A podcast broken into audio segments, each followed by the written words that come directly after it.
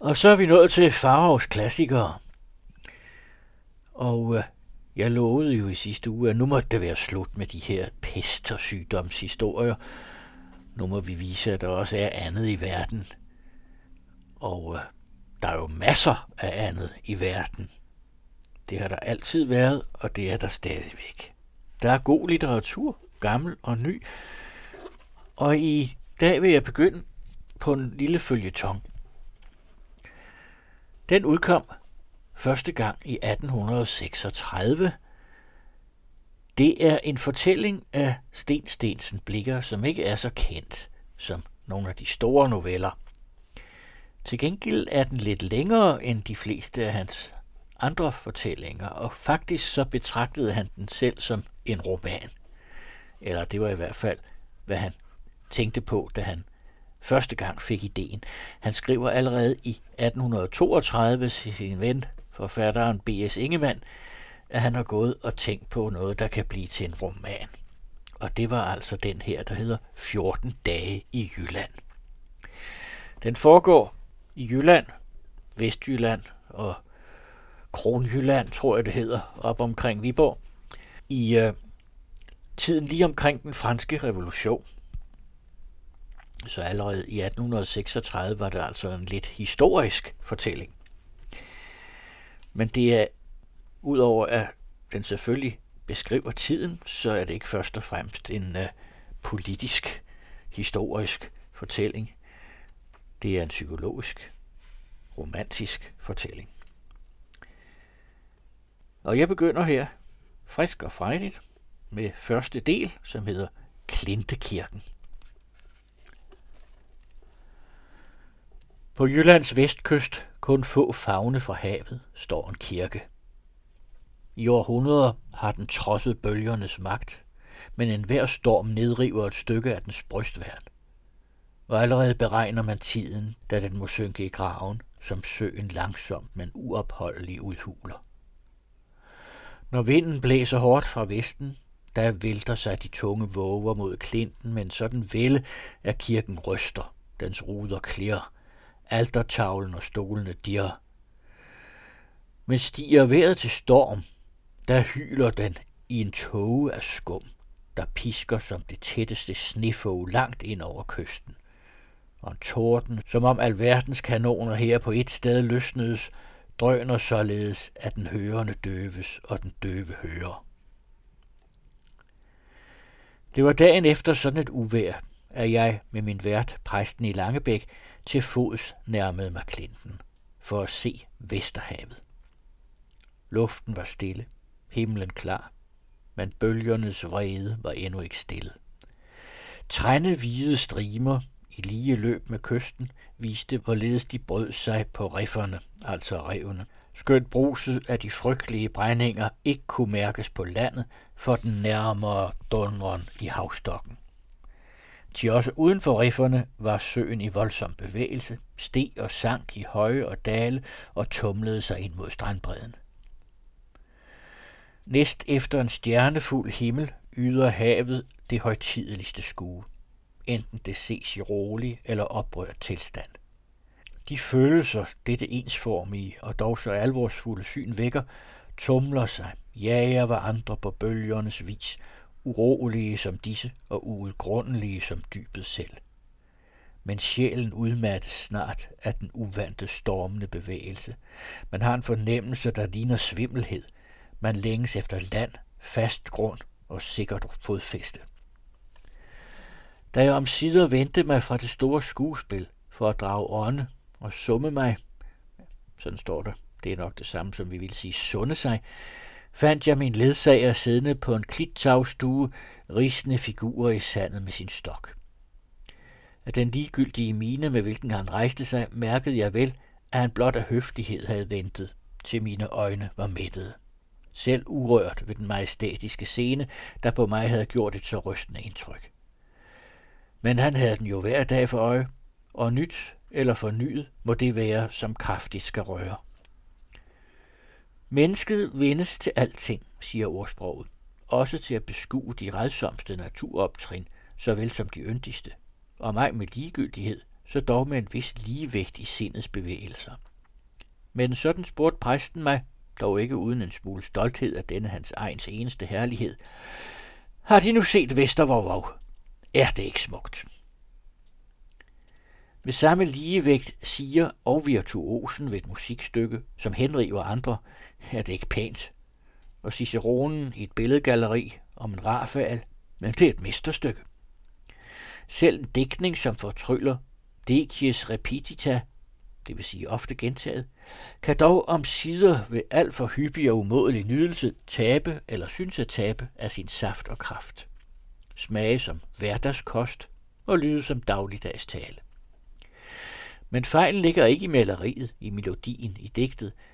Den må søges hos tilbederen selv, som glemmer, at et hvert glædesbæger har sin bund, der aldrig må vorte synlig. Og at det gamle, han mig lidt kær, han mig længe kær, kan anvendes på mere end elskov. En kvæne adspredelse var mig derfor synet af den rolige landjord, i det jeg med ryggen til det vildt larmende hav nedlod mig tæt hos præsten. Ti skulle vi tale sammen, måtte der ikke viskes. Dog den, som når han første gang ser Vesterhavet, har meget at sige, burde aldrig ulejlige sig dit. Ikke heller jeg var stemt til snaksomhed, hvilket vel min sidemand mærkede, da han spurgte, om jeg ville tøve her et kvarters tid, til han kom tilbage fra et sygebesøg. Jeg bejagede det gerne.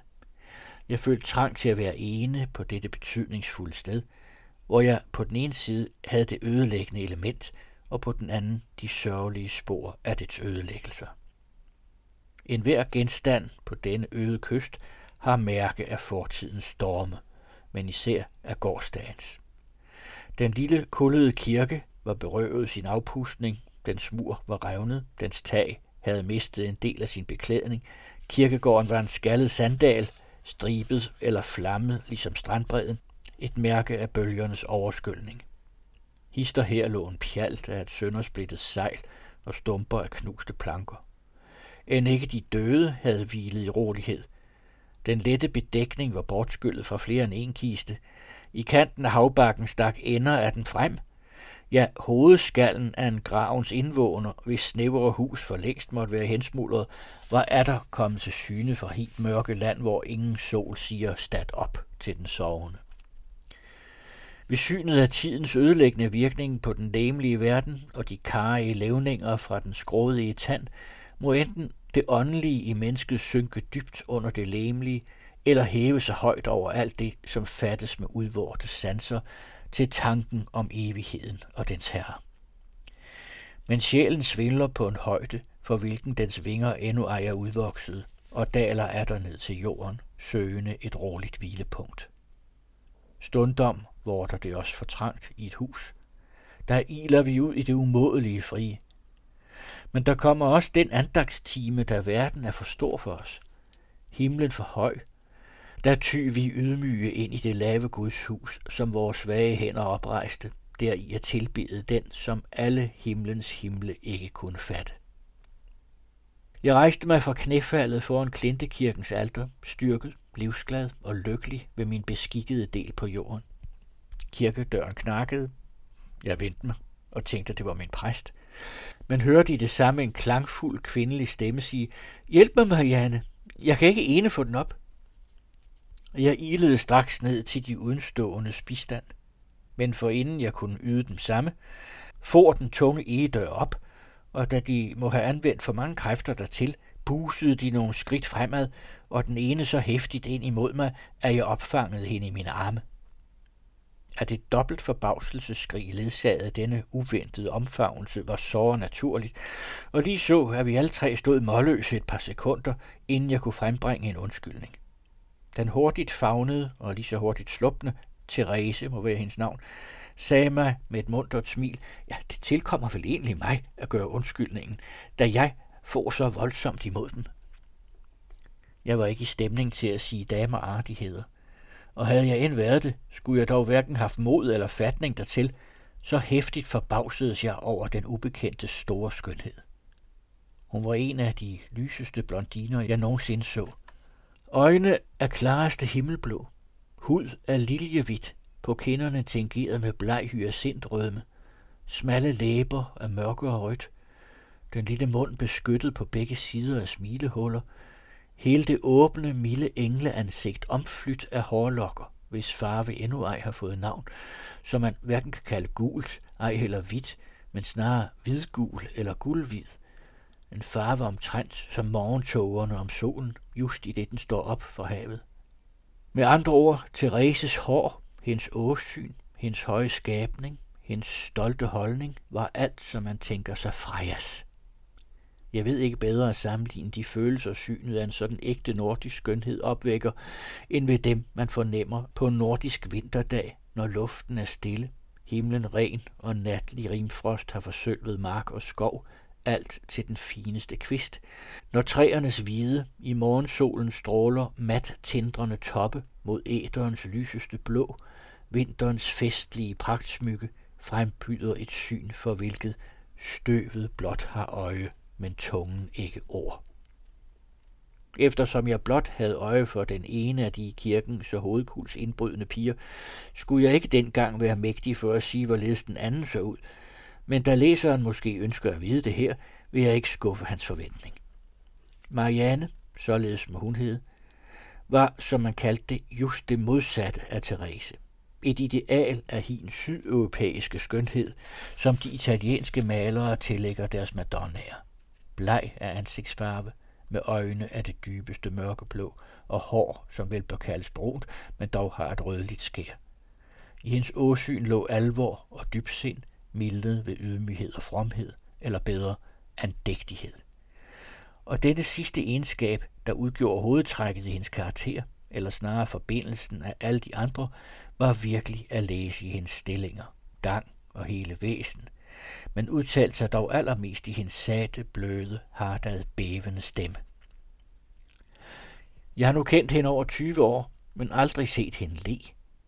Selv hendes smil var sjældne, og alene ved korte, matte solglimt gennem efterårets regnskyer. Hun var, om jordens børn tør låne de himmelskes navne, sorgens engel, ligesom Therese glædens. I sandhed der som jeg var kommet sidst i kirken, der som jeg, i stedet for at modtage disse yndige væsener i døren, havde ved min indtrædelse set dem ved aldret, jeg måtte have antaget dem for engle, for levende sindbilleder på det gamle og nye testamente, på loven, den alvorlige tugtemester, og evangelium, den milde vejleder, på frygtens tjeneste og kærlighedens. Selve dragten var betegnende, den ene sort, den anden hvid.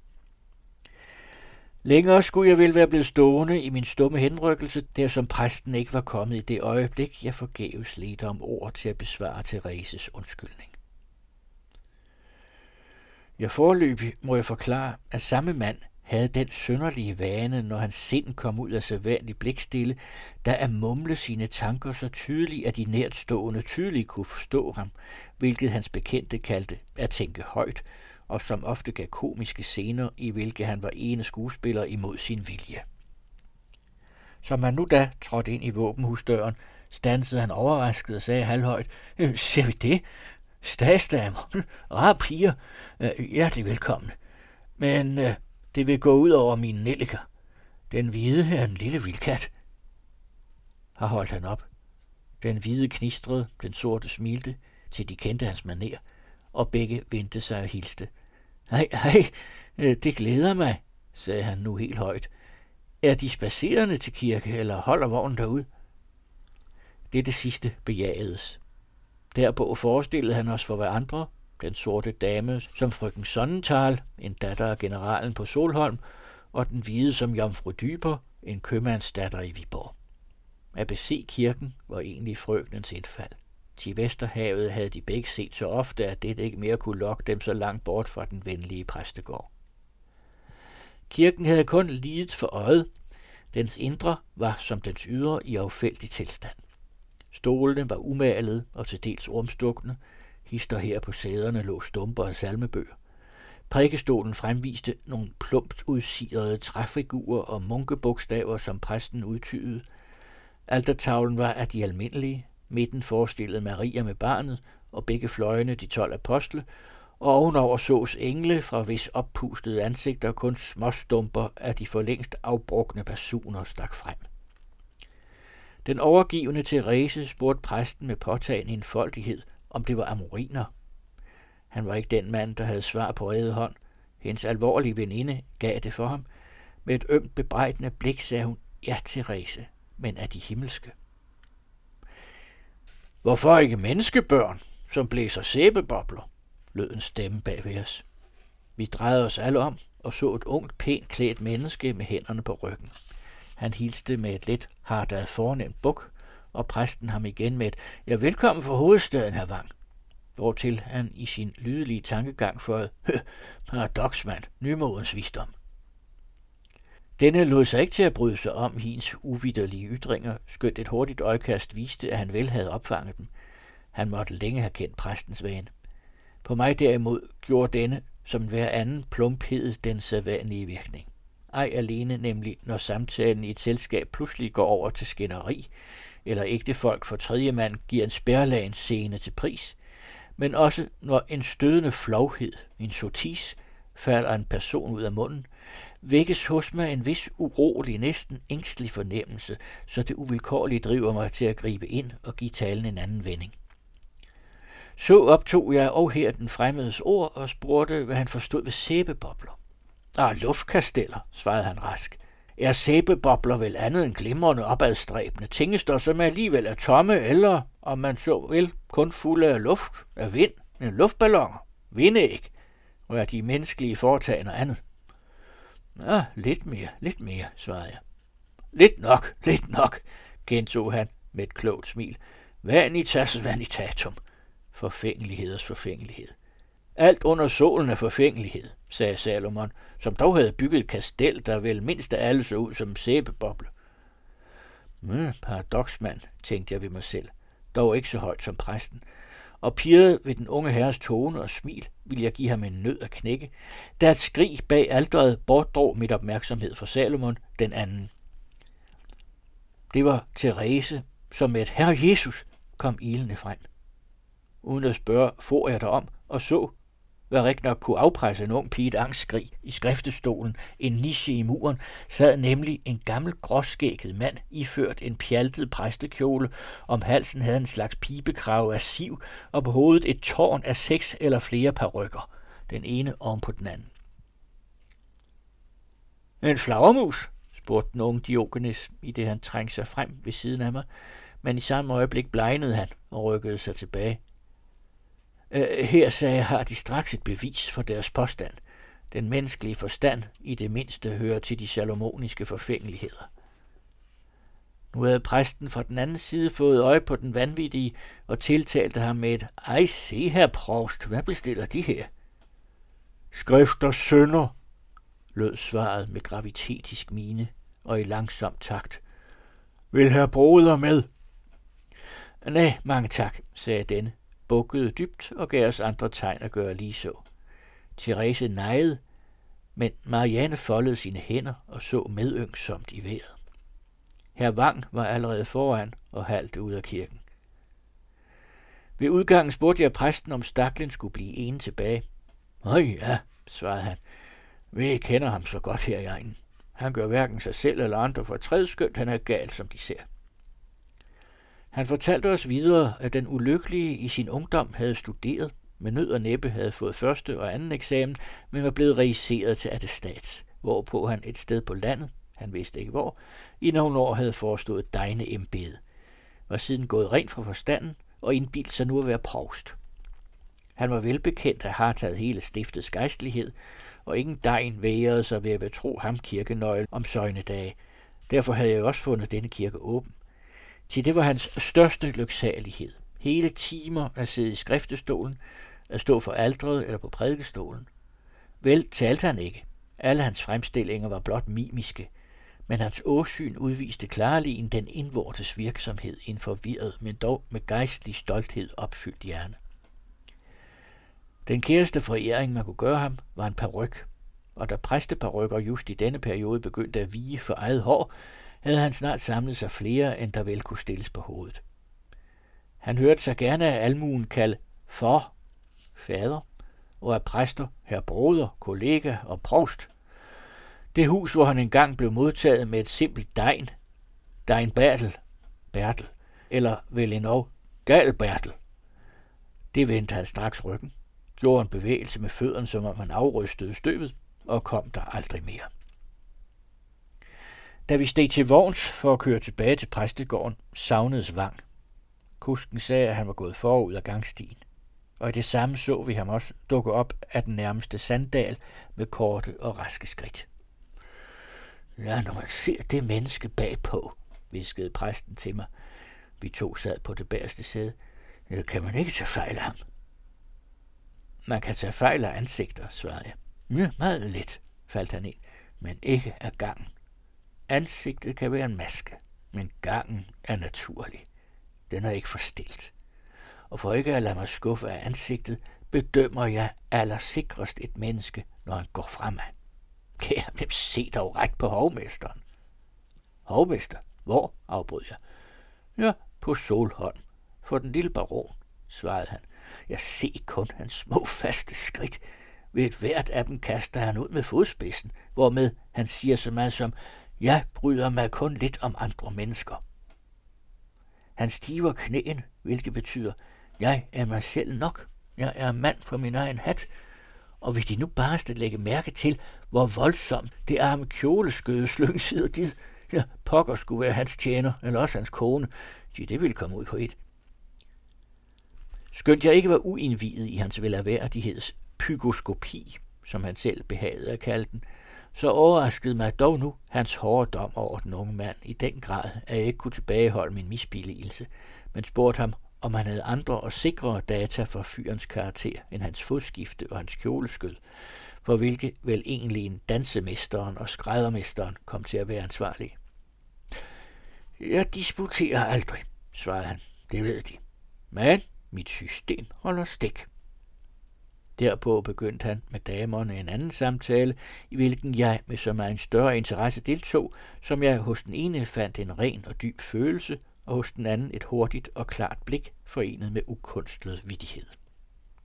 Let og umærkeligt gled tiden, skønt vejen var sandig og tung. Den mil fra kirken til Langbæk Præstegård var mig ikke længere end ellers en vej. Ja, det var første kapitel. Og det andet kapitel er noget længere, så det vil jeg gemme til næste uge. Og så skal vi høre mere om personerne i Langebæk Præstegård.